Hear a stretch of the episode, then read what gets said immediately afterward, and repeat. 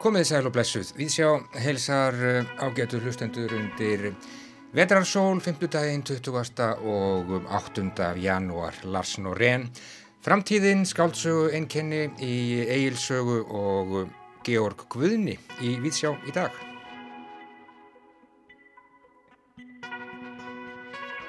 Við höldum í listasafn Íslands og ræðum þar við Einar Gari Balda Eiríksson sem er síningastjóri síningarinnar Berangur sem verður opnuð nú um helgina.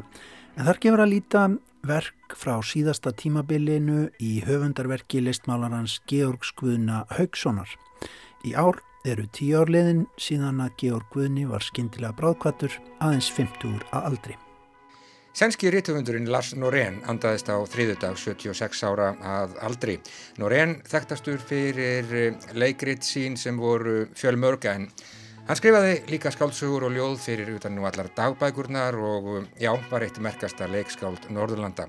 Við ætlum að minnast þessa merka höfundar í Víðsjá í dag, mikið skrifað um Norén í sænskum fjölmjölum þessa dagana og við ætlum að ræða við þá Viðar Eggertsson leikara og leikstjóra og Bjarnar Jónsson leikskáld en þeir þekkja báðir vel til verka Noréns, meðan þetta hér rétt á eftir. Kristrún Heimistóttir, lögfræðingur, heldur áfram að velta fyrir sér árunni 2021 í Víðsjá á 50 dögum, fjallaðum stefnur, ströyma og neyðir. Í dag talar Kristrún um framtíðina og frjáls skrif kvenna. Og Víðsjá heldur áfram að fylgjast með Egilsögu sem er kvöldsagar ásar eitt þessar vikurnar. Í dag verður rætt við Torfa Túlinius um Egilsögu sem skáldsögu Dorfi ætlar að tala um ímis um, skáldsagna enkenni á Eilsögu. En nóttin er móðir dagsins. Vi börjum á Lars Norén. Jag tror att den som vill bli diktare eller konstnär, det, det är någonting eh, oavvisligt. Vill han bli det och måste han bli det så blir han det. Det handlar inte heller om vilja, det handlar om ett måste. Att det finns ingen annan väg. Must have left my house at eight because I always do. Í fyrir dag þá bárust þær fréttir að uh, sænska uh, leikskáldi, já, og skáldsaknahöfundurinn og ljóðskáldi Lars Norén væri allur fættur í Stokkólmi 9. mæi árið 1944, dáinn í Stokkólmi í fyrir dag 76 ára að aldri og það var bölfuð koronaveiran sem að lagði hann að velli. Reynuðu þetta þekktastur fyrir sín eh, leikrit og þau voru ansi mörg á laungum ferli. Ég sestur hérna inn á mokka í, á ísköldu síðdegi og eh, þeir sitja hérna hjá mér leikhúsmennirnir Viðar Eggertsson, leikari og leikstjóri og þetta útarsmaður og Bjarni Jónsson, leikskáld. Eh, þið þekki báður vel til Lars Norén, Viðar þú skrifaður á Face í, í fyrra dag að að Lars Norén hafi verið eh, já, eitthvað magnaðasta leikskáld Norðurlanda, viltu, viltu raukstiða það eitthvað?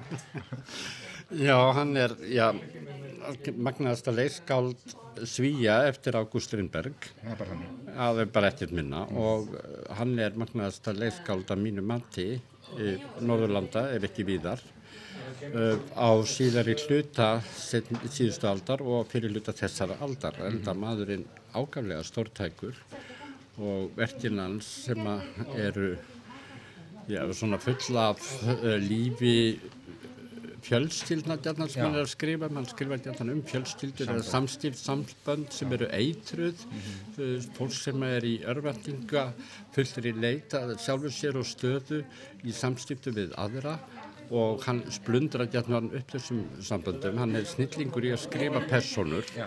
en það hefur það verið þannig að ef að leikarar komast í tæri við það að fá að leika í leikviti eftir Larsson-Loren þá tæta þau í sig og svolgra hlutverkinu, mjög eftirsótt hlutverk fyrir leikara og það er ekki síður eftirsótt fyrir leikstjóra að fá að klíma við verkinans því að þau eru svo safarík. Hann er veldig bra lærare som uppmuntrade oss att, att läsa och skriva och skriva uppsatser och så. Och gav mig... Bjarni, ertu sammála þessu? Norén bara sá stærsti síðan að Strindberg var á hétt? Já, á Norðurlandunum sko. Ég held að það sé, ég held að svona alveg óvært að hérna, sér alveg óvært að segja það. Hann hérna uh, er náttúrulega og þess vegna er þetta kannski þetta svona fráfallans daldi merkilegt því að við kannski sittum upp í daldi tómarúmi mm -hmm. á eftir að hérna það er svo sem enginn sem að þannig laga að maður getur bent á að hafi þá einhvern veginn tekið við þessu kefli hérna ekki á Norðurlöndunum. Við getum kannski bent á Jón Fossi sem er dómuningri maður en, en hann náttúrulega, Jón Fossi kannski ekki svona óbúslega drefin áfram af því að skrifa dramatík eins og, eins og Norren sem að bara hreinlega hætti að skrifa ljóð, hann byrjaði sem ljóðsköld 15 ára gammal gaf hann frá sér eitthvað tvö ljóð sem hann sagðist aldrei vilja sjá aftur. Og hætti síðan, mjög merkilegt hann hætti, hætti að skrifa ljóð 1980, þá var hann búin að gefa af ljóðum. En hann hættir vegna þess að hann dreymir að hann fá ekki lengur ljóð sín útgefi og þetta var svo sterkur draumur að, að, að hérna, morgunin eftir að þá var hann bara þá hugsaði með sér, ég get ekki ég get ekki halda á þessu ljóskátt þá aldrei eftir að vera neitt meira úr þessu sko. og ég var að sækja hann um við og þá fer hann að skrifa þessi leikrit sem eins og svona er búið að tæpa á. Ég held að við séum 75 talsins Gríðalegt höfundaverk Gríðalegt verk Byrja náttúrulega snemma, fyrsta bók kemur út henni er bara hvað, 19 ára gammal, það, það er ljóðabók ljóðabókin með þetta fyrir fram að þig, viti hann hérna. er fyrsta ljóðabókin hans, þá er hann 19 ára gammal, þannig að hann er fættur 1944. Hann gefur út tölvert að ljóðum og hann slærir mér í gegn sem leikskáld með þessi bara frægasta verkið hans enn í dag. Er, nattin er daginn smúr eða, eða nóttin er móði dagsins, sem er mikið fjölskyldu drama.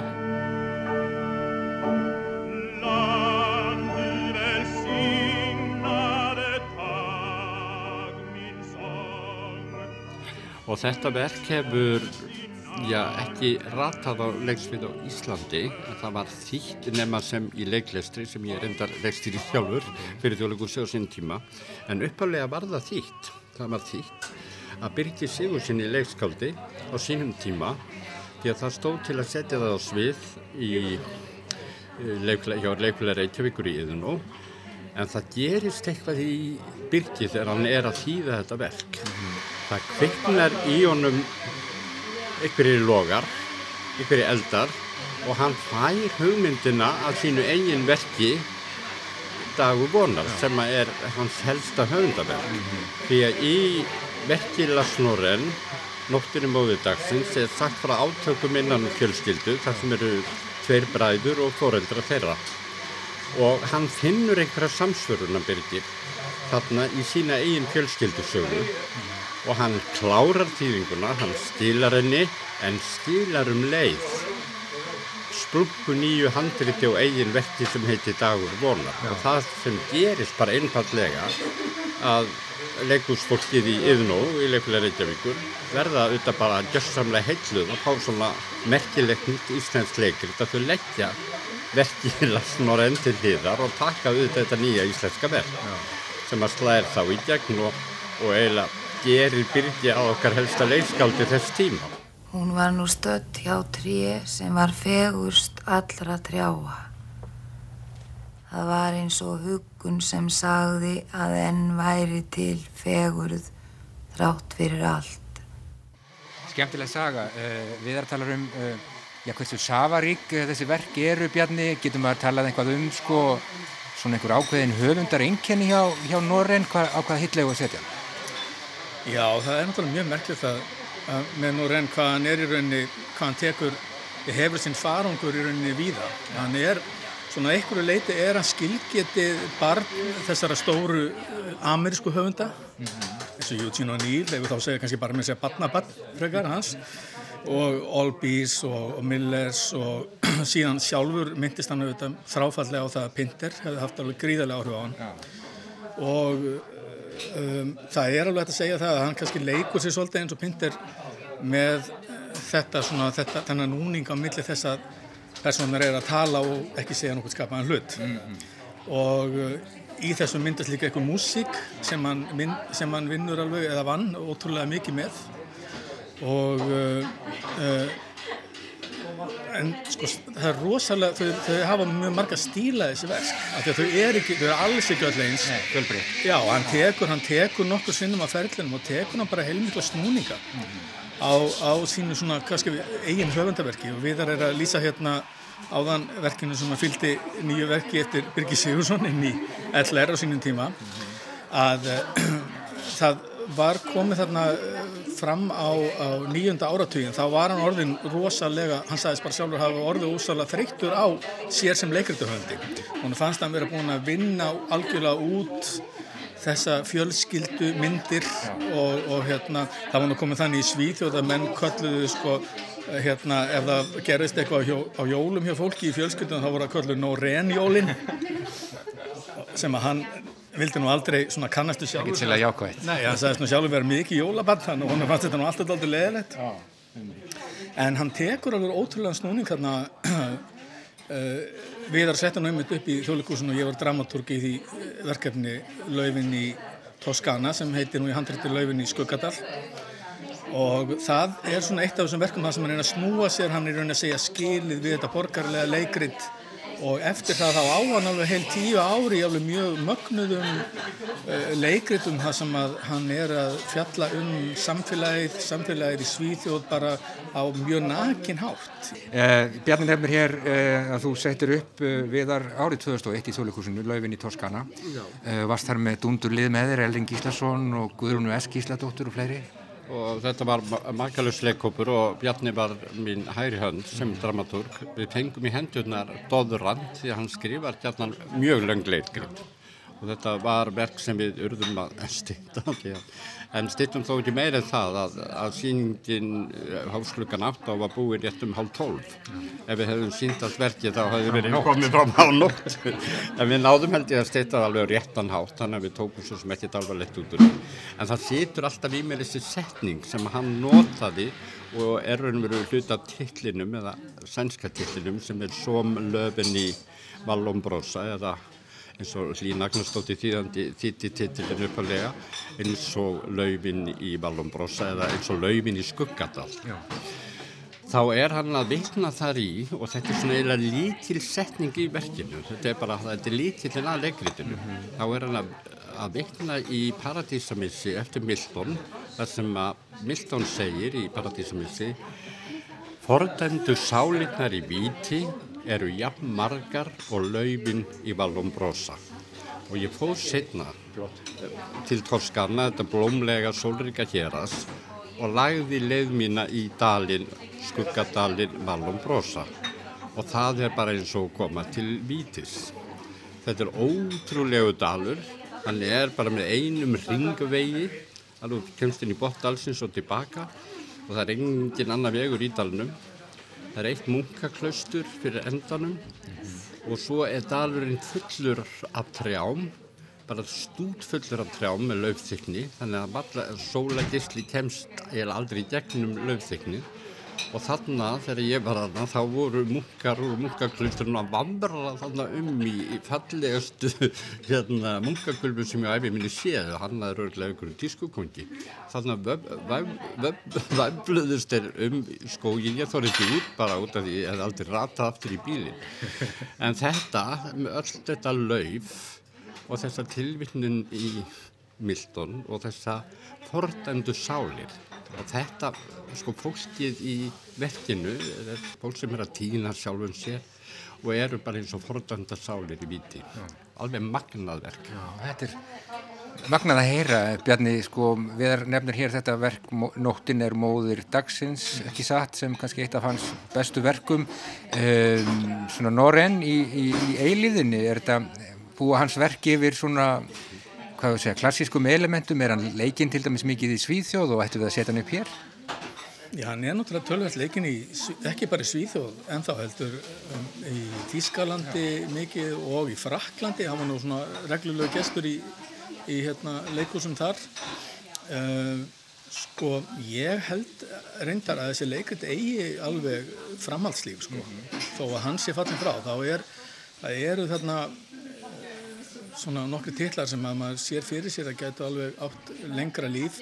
Maður má ekki gleyma því að til dæmis þessi leikritans eh, sem við nefndum áðan um skuggadrengina og personankrets 3.1 uh, þau uppgötast aldrei í kjölfar þess að það kemur inn bylgi af ungum höfundum með Söru Kane og Mark Ravenhill sem eru aldrei svona tekin upp sérstaklega í, í, í Tískalandi í sjábunni af Thomas Ostermeier leikstjóra og leikustjóra og hann í leiðinni tekur Norén sem svolítið eins og svona, svona stóra sko, skuggan eða föðurinn af, það setur hann í samband við þessa in your face bylgi frá Breitlandi og þannig svona endur lífgast til dæmis Norren þar bara á einu augnabliki. Og þetta eftir að lifa, við værið þú til í að setja upp uh, Norren aftur, hvað myndur þú setja upp? Mér langar alltaf að setja upp uh, nóttinu móðu dagsins sko að því ég fekk að fylla við það sko. Sko ráði bara hér með. en það væri óbúrslega gaman að gera þetta verk.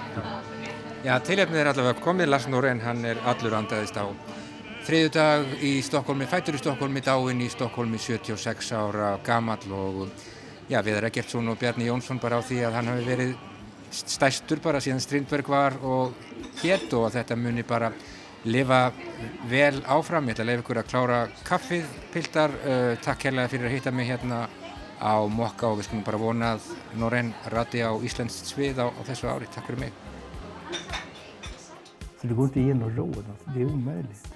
Det, det, det skulle vara att lita på ditt inre måste. Att det, inte finns. Därför att, därför att mödorna, strävandena är så hårda så att du måste ha den här inre övertygelsen om att det här är det du ska bli. Och har du inte den så, så gör det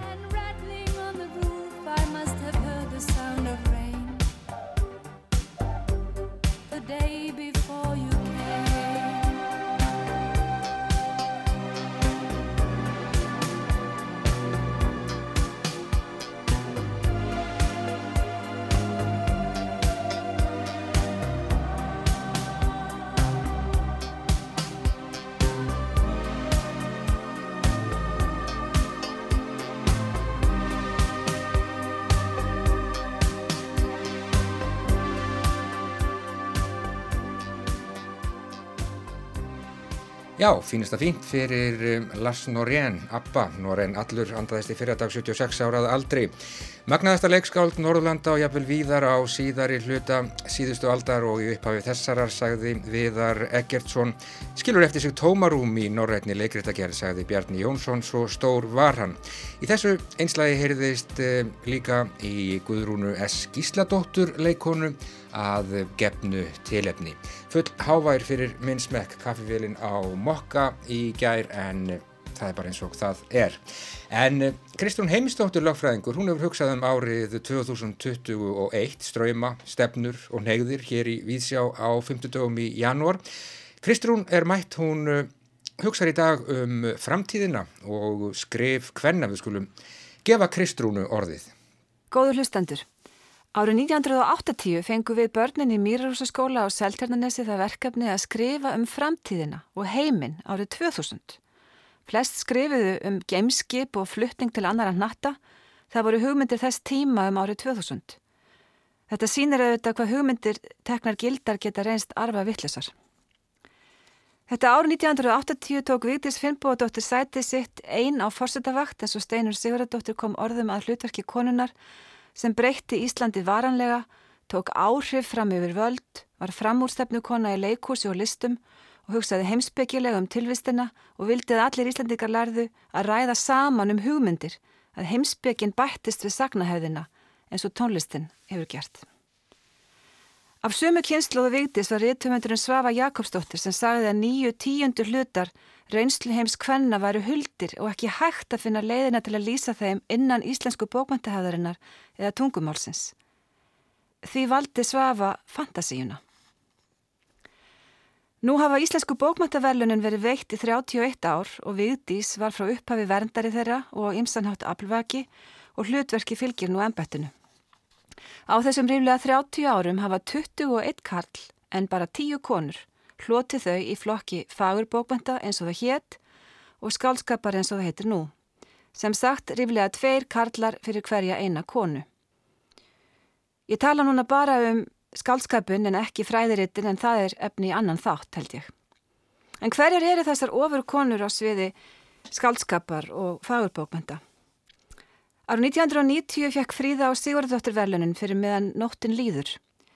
1994 vikti Skrimsdóttir fyrir Grandaveg 7, árið eftir 1995 Steinur Sigurðardóttir fyrir Hjartastað, 2002 Ingeborg Haraldsdóttir fyrir Hvar sem ég verð sem á ljóðabók, 2004 Auður Jónsdóttir fyrir Fólkið í kjallaranum, 2010 gerur Kristni fyrir blóðhópni. 2011 Guðrún Eva Mínarvedóttir, allt með kossi vekur.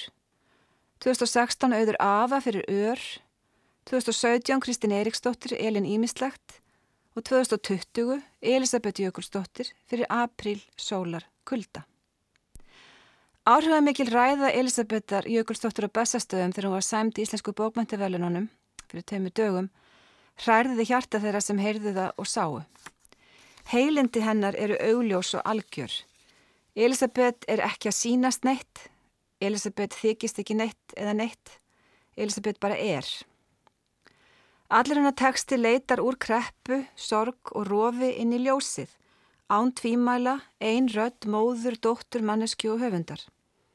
Að rata heitir ljóð eftir Elisabethi frá 2018 í ljóðabókinni Stjarná himni, lítil sál sem aldrei komst í jarðar.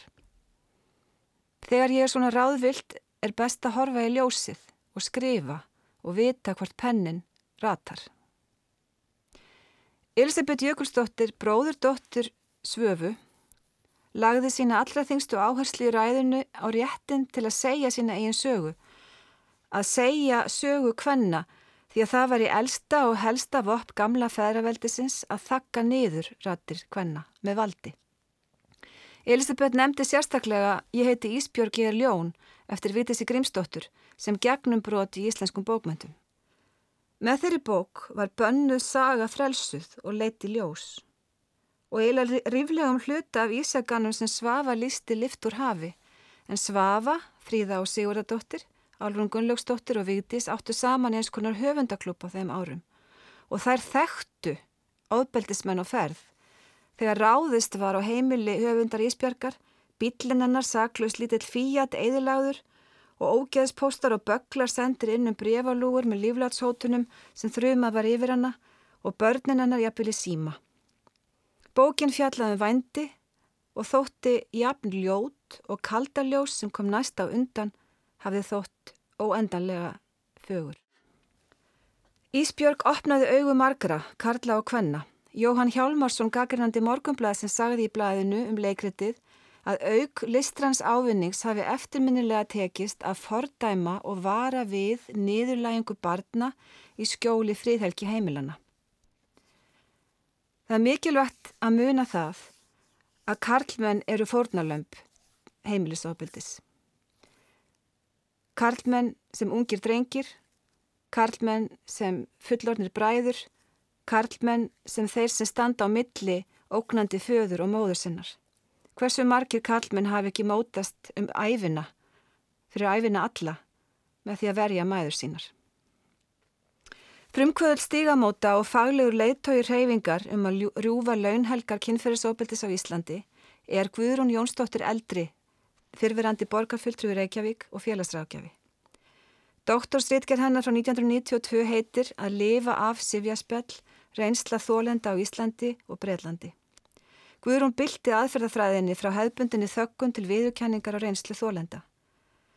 Guðrún lýsir því hvernig hún sem félagsrákjafi var sífælt að mæta fólki sem orðið hafið fyrir ofbeldi sem hennar fag og fræði virtu ekki en ég skildu til fulls og hún stimplaði sig út úr pólutík og sótti nýja þekkingu til útlanda og ferði hana til Íslands.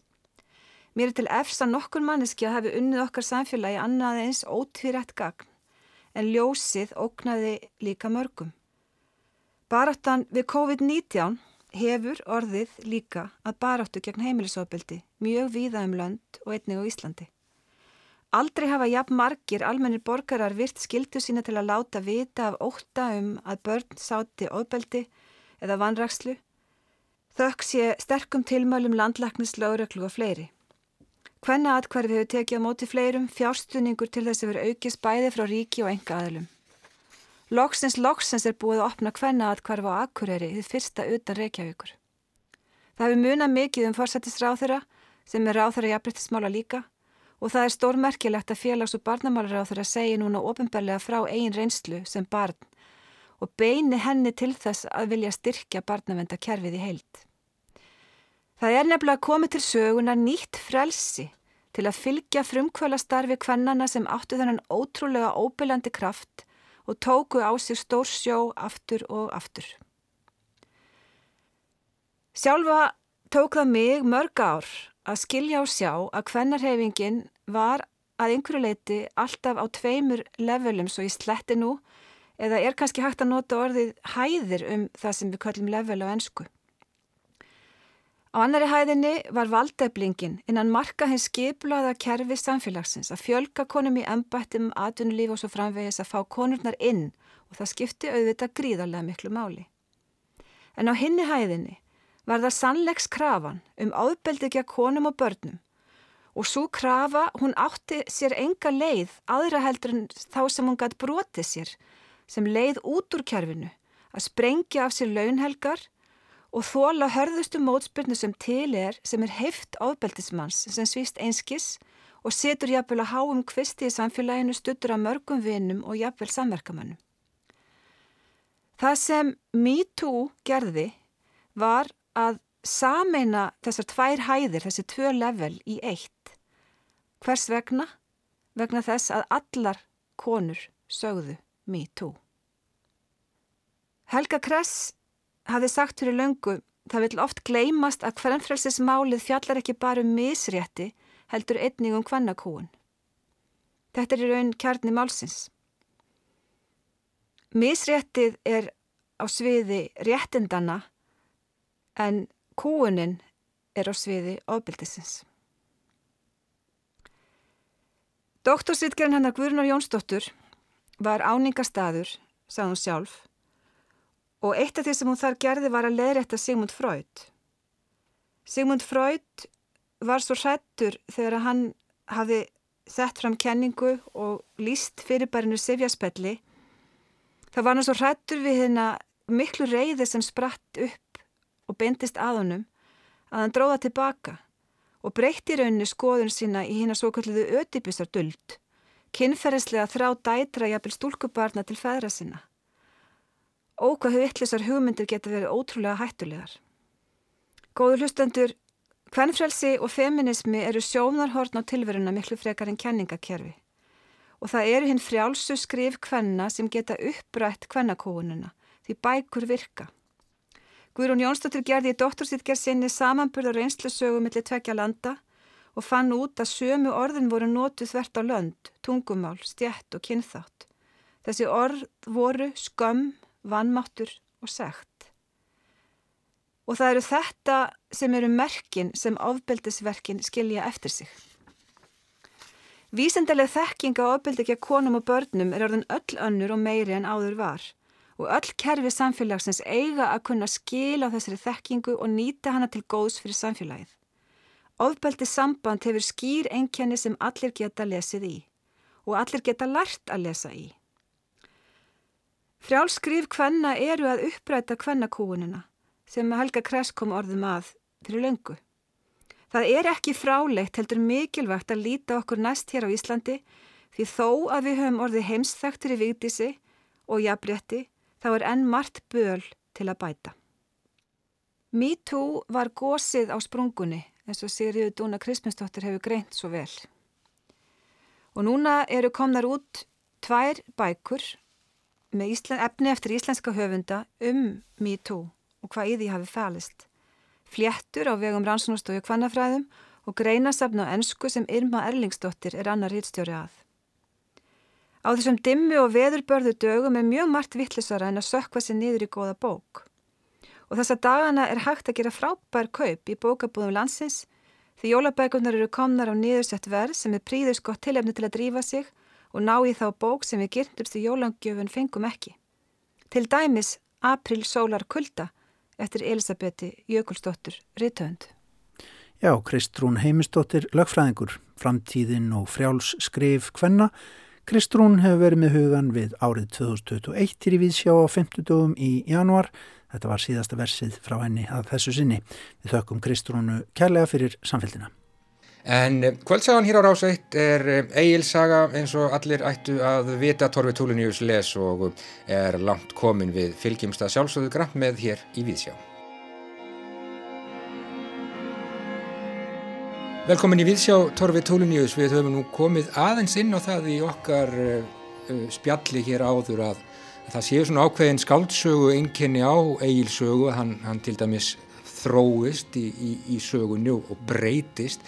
Það er kannski ákveðin tímask ekki að tala um eigilsögu sem skáldsögu en samt það er náttúrulega fyrst það er náttúrulega undirstyrkaði uppafið að það er tímaskekkja skálsaðan, svona þessi borgaralega evróska skálsaða hún, já, hún er ekki til á, á 13. öld mm -hmm. en hún er svona í fæðingu svona, svona það, hún er þarna á fórstustíi kannski getum við sagt á 12. öld verða til rómönsurnar fransku og þær eru að ýmsuleiti hafa svona skáldsögulega einkenni og þá sérstaklega rómönsurnar sem að Chrétien de Troyes samti á, á 12. öld það, það er að segja að því leiti að söguhetjan er staðsett í einhverjum veruleika sem er svona í náttúrulegur veruleiki og, og félagslegur veruleiki og þarf að fóta sig í honum og personan er flókin að vissu marki þarf að breyta, þarf að þróast. Og þannig að þetta er til svona skálsaðan er, er svona einhverjum burðarlið ámiðöldum almennt í Evrópu. En uh, mér finnst eigilsaga að mörgu leiti taka nokkur stórskref í áttaskáldsöðunni áður en uh, og þá reyndar ekki bara við um eigilsöðu þá líka við um uh, fleiri íslendingasöður svona fyrir tíman kannski fyrir, ef maður ber saman kannski það sem var verið að skrifa á 13. og 14. öld annar starf í Evrópu þá finn, finnast mér þessi einkenni ekki vera svona sterk af einhverjum ástæðum þegar, þegar menn fóru að skrifa sögur á 12. og 13. öld og kannski mest á 13. öld þá uh, byrjuðu þeirra að skrifa um konunga þegar að Ísland er að byggjast og þegar Ísland er að snúast til kristni. Það er að segja að það verður til ákveðin tími sem að verður til í hugum höfundana og viðtakanda þeirra sem er þessi tími uppbrunna Íslands samfélags. Landið er fundið, það er numið, það kemst á ákveðin þjóðfélagsskipan og, og síðan eh, snýst landið til kristni og allt þetta er búið að færa í letur af því að eh, Ari Fróði í byrjun 12. aldar setur þetta allt nefur í sína Íslandingabók. Þessi heimur er til í hugum fólks og svo auðvitað er einhverjar frásagnir um þetta fólk sem að þó að 5, 6, 7, 8 kynsluður hafi liðið þá eru ennþá sagðar sögur af fyrstu landnámsmönnunum mm. og, og fyrstu kynsluðum Íslandinga og um, eftir að konungasögur hafa svona ruttið til rúm sem mikilvæg bókmyndategund þá er mjög fristandi að fara að fjalla um Íslendingana sem að tengjast þessum konungum sem fara til konung sem að taka við kristni til fyrir tilverknað Ólafana sérstaklega Ólaf Tryggvarssonar og kannski vel að merkja Egilsaga gæti verið fyrsta Íslendingasagan hún er talin vera eldst af svona þeim íslendingasögum sem við teljum merkastar, mm -hmm. eldri en lagstæla, eldri en eirbyggja, tölvöld mikið eldri en njála, en eldri en, eh, en gretla, sem við teljum upp þessar svona fimm uh, sögur. Í staðan fyrir að konungurinn sé í miðjunni, það er landnámsmenninir eða sá sem á í viðskiptum við konung mm -hmm. verður miðja frásagmarinn. Og þetta er einmitt eitt af því sem hafði gerst í, í rómansuskrifunum allt í hennu verða rittarar Artúrs konungs mikið væri en ekki, en ekki Artúr þannig að personan sem er ekki konungur, ekki upphafinn ekki hetja er orðin svona miðja frásagnarinnar og svo annað sem að færi þetta nær skáldsöðunni er að personan er staðsett í náttúrulegu og félagslegu umhverfi mm -hmm. sem er e, það sama og náttúrulega og félagslega umhverfi höfunda og viðtakandina. Þannig að hann er við komin með ákveði raunsægi. Raunsægi náttúrulega hætti miðaldamanna sem trúðu á eftirgöngur og, og þess áttar, eða gáttu trúið á eftirgöngur og, og, og hjarteinir og hvað eina. En samt sem áður, þannig að félagslegu samskipti eru svolítið raunsægisleg mm -hmm. og þá viðum eigilsögu, bæði í samskipti hans við konung og ekki síst í svona undir loksögunar þegar að vera að fjalla um samskipti Þorsteins Egilsonar við eh, nágranna sína. Já. Svo er það áhugin á sálarlífinu mm -hmm. og um, núna upp á síðkastið að við verðum að fást svolítið við að eh, verið undir áhrifum frá franska heimsbyggingnum Michel Foucault og hefur verið að fást við svona hvernig í Íslandingarsögunum og öðrum fórtsögum er verið að um, setja á svið í raun og veru átök einstaklingana við henni ímsu öll sem að tókast á sem verður bæði samfélagsleg öll og sálaröfl mm -hmm. tókast á um einstaklingin Já.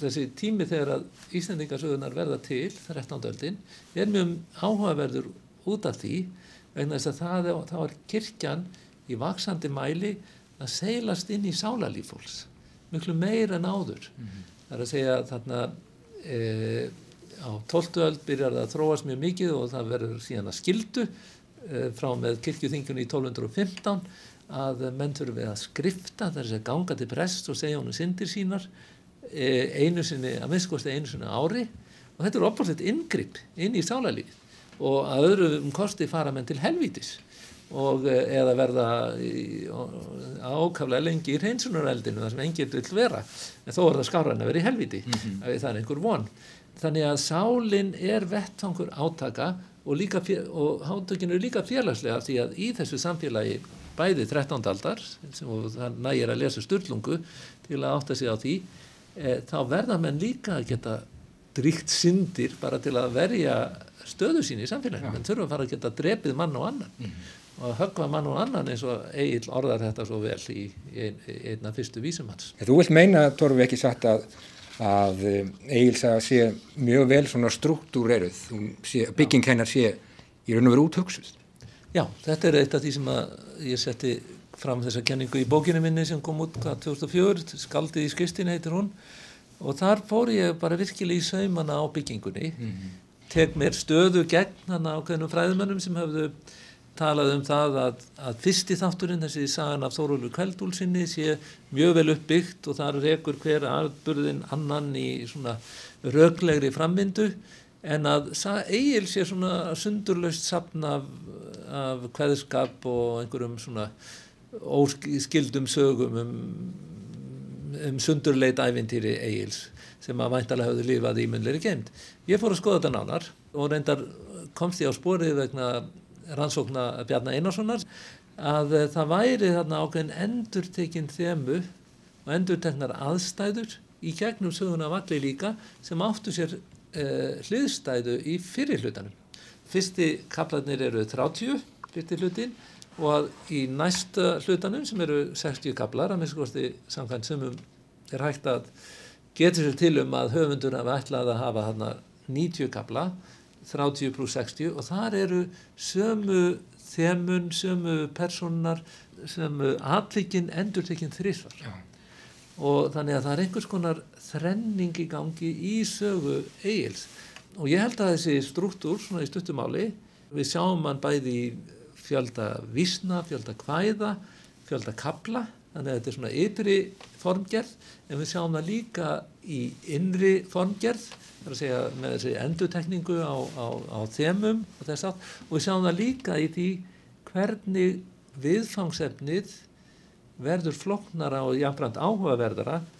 Annars er ef við miðum við fyrirflutan sem er um Þórólf og samskiptin við konung og uh, samskipti kveldúlsættarinnar við konung og hins vegar þriðji hlutin sem eru átök eigils líka við konung mm -hmm. en hann á líka í átökum við föður sinn.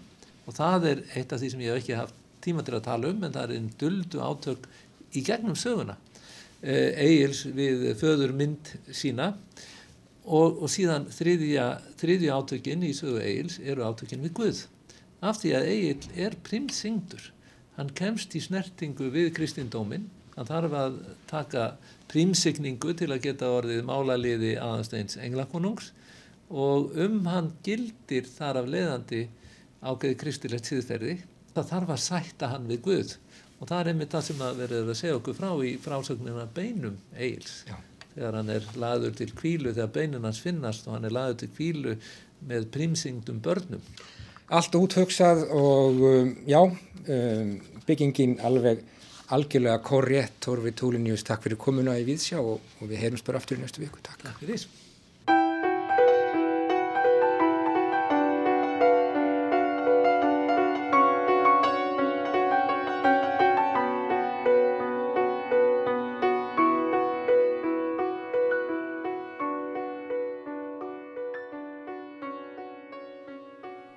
Já, Torfi Túlinius og Egil saga skáldsögu einnkenni í Egilsögu. Torfi heldur áfram að lesa kvöldsöguna og les 13. lestur stundislega klukkan 21.30 annað kvöld. En um helgina verður opnuð í listasafni Íslands síningin Berangur. En þar gefur að líta verk frá síðasta tímabilinu í höfundarverki listmálarans Georg Skvuna Haugssonar. Verk sem að listamærin vann þar eistra á árunum 2005 og fram til 2011 þegar hann var bráðkvættur skamt frá húsi sínu á Berangri, langt fyrir aldur fram aðeins 50 aldri. Við heldum í listasafn Íslands og hittum þar síningastjóra síningarinnar og góðan vinn Guðnaheitins Einar Garibalda Eiríksson.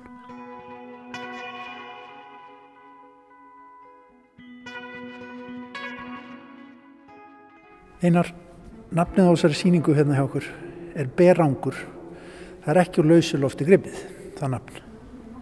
Nei, það er ekki úr lausulofti gripið. Það er um, rauninni nafnið á landsbyldu sem að Georg Guðni kefti sér hvað vorið 2004 og síðar byggðan sér þar heimili og vinnustofu og uh, það má eiginlega segja að kannski ja, stór hluti þeirra verka sem að hér eru á síningunni er annarkvort unnin þar eða undir ákveðnum áhrifum frá því landsvæði. Okkur fannst svona kannski til valið þar sem að síningin fjallar um þessi svona loka ári í, í starfsferðli guðina að, að nota þetta nafn og það má kannski líka kannski eitthvað liti segja að, að, að það rammið þetta svolítið vel inn því að mörgur liti má segja kannski að þessi landspilda hafi kannski verið hans síðasta landslagsmynd, það er oft einhvern veginn svo sjá ekki á milli hvort hafi komið undan sko, landsbildan eða, eða myndin uh, af þeirri náttúru og, og náttúran einmitt sko, ef maður kemur á berangur þá er hún í rauninni uh, ótrúlega lík þeirri þeim staðáttum sem maður þekkir uh, úr svona kannski eldri verkum gjörskoðina. Þannig að þetta svona hangir, hangir svona svolítið saman, saman á því Hvar er Berangur? Hvar erum við á landinu? Uh, já, það er á Rangarvöllunum, svona upp, upp undir heklu rótum ja. því sem næst. Það er flatt?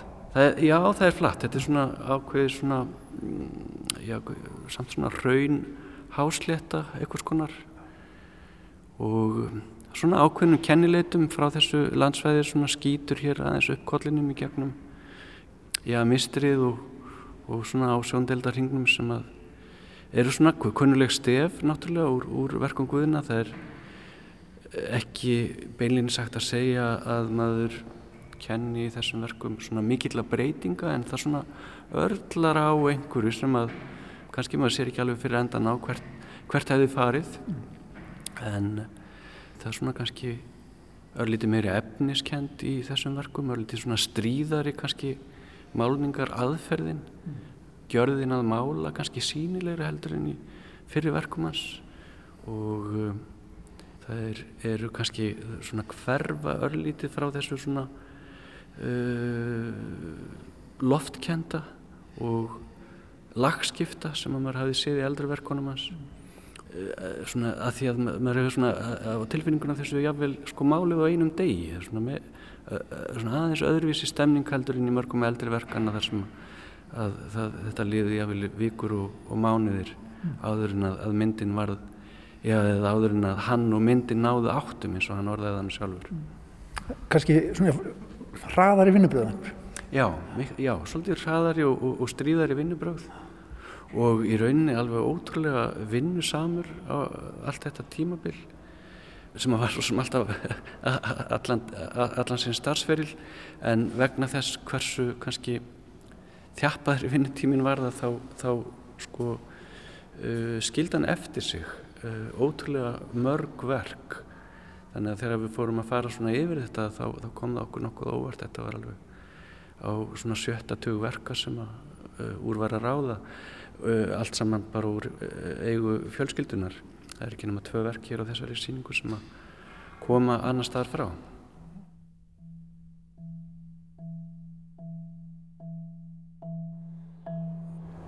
það er svolítið líka svolítið sem hefur átt hug minn og það er það að mála uh, já, mála loftið sem raunin sést ekki.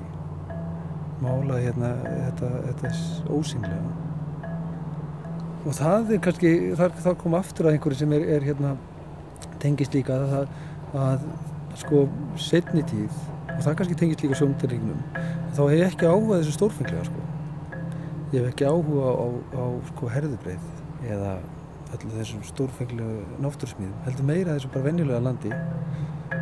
Og með, með sko, þessu stórfenglega kannski þessu háaði þá er þetta venjulega land það er kyrðin og þögnun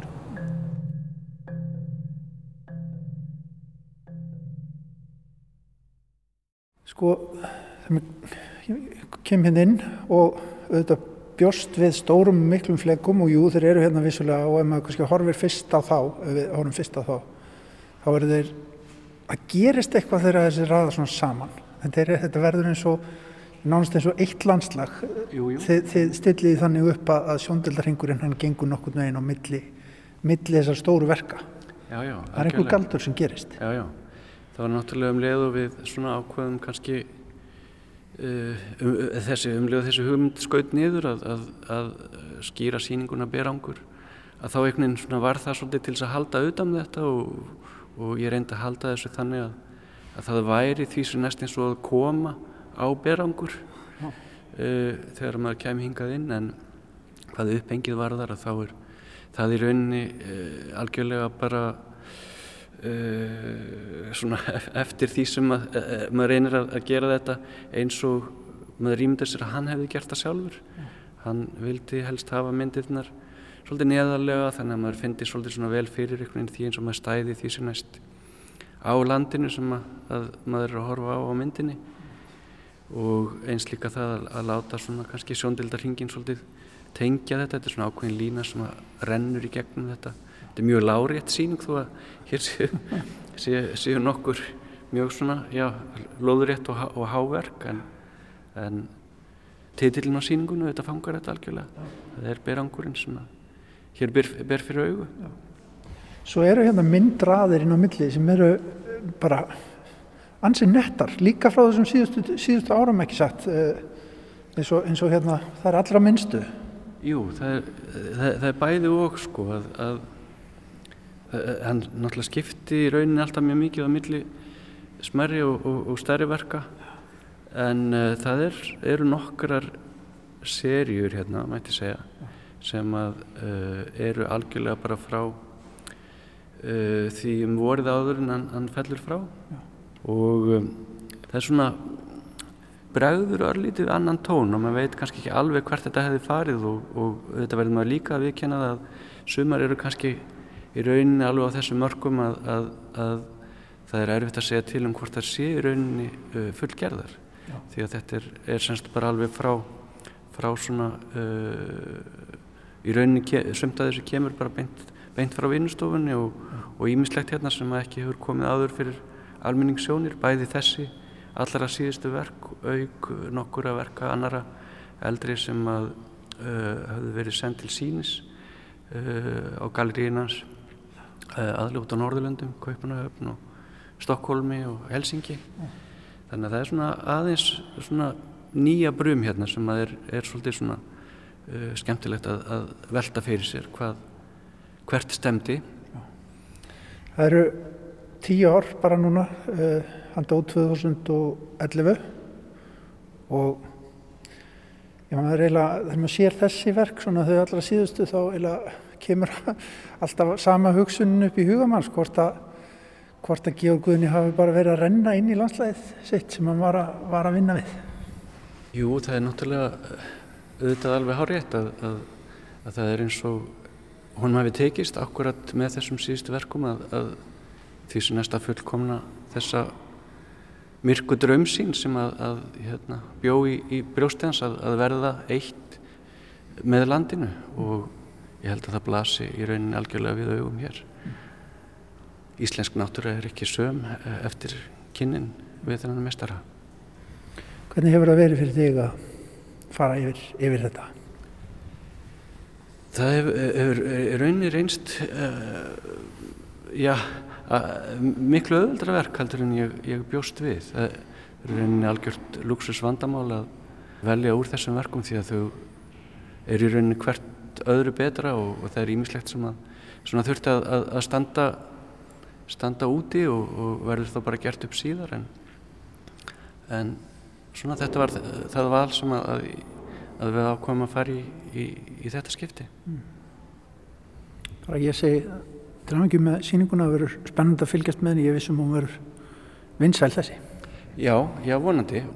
Dregur saman þetta síðasta tíumbil og, og varpar ljósi á það eitthvað leiti og það verður verða líka svona áframhaldandi umræðu um það, það verður smá uh, bókaútgáfa og málþing núna í, í mars vantarlega þar sem við förum svona örlíti betur ofan í sömana á þessu öll saman.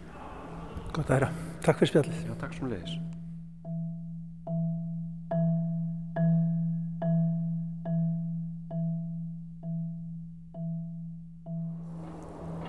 Já, bara, þú veist, maður verður að vera svona algjörlega sannur í því sem ég gerir, sko. Það, það skiptir mér búið miklu máli. Og ég vona að það hefði nú verið svona, ég hef nokkur en geta hangið á þeirri, þeirri línu.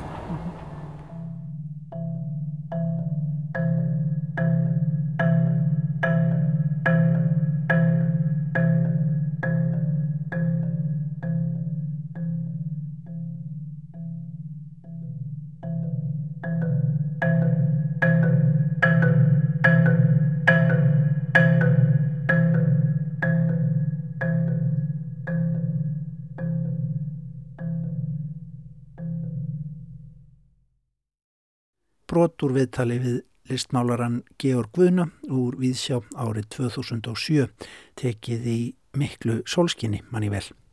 Berangur síning á nokkrum af síðustu verkum listamannsins verður opnuð í listasafni Íslands um komandi helgi við rættum við síningastjóran Einar Garibalda Eriksson. Og svona ætlum við að ljúka viðsjá í dag viðsjá hér aftur á sínum staðlaust eftir klukkan fjögur á mánudag.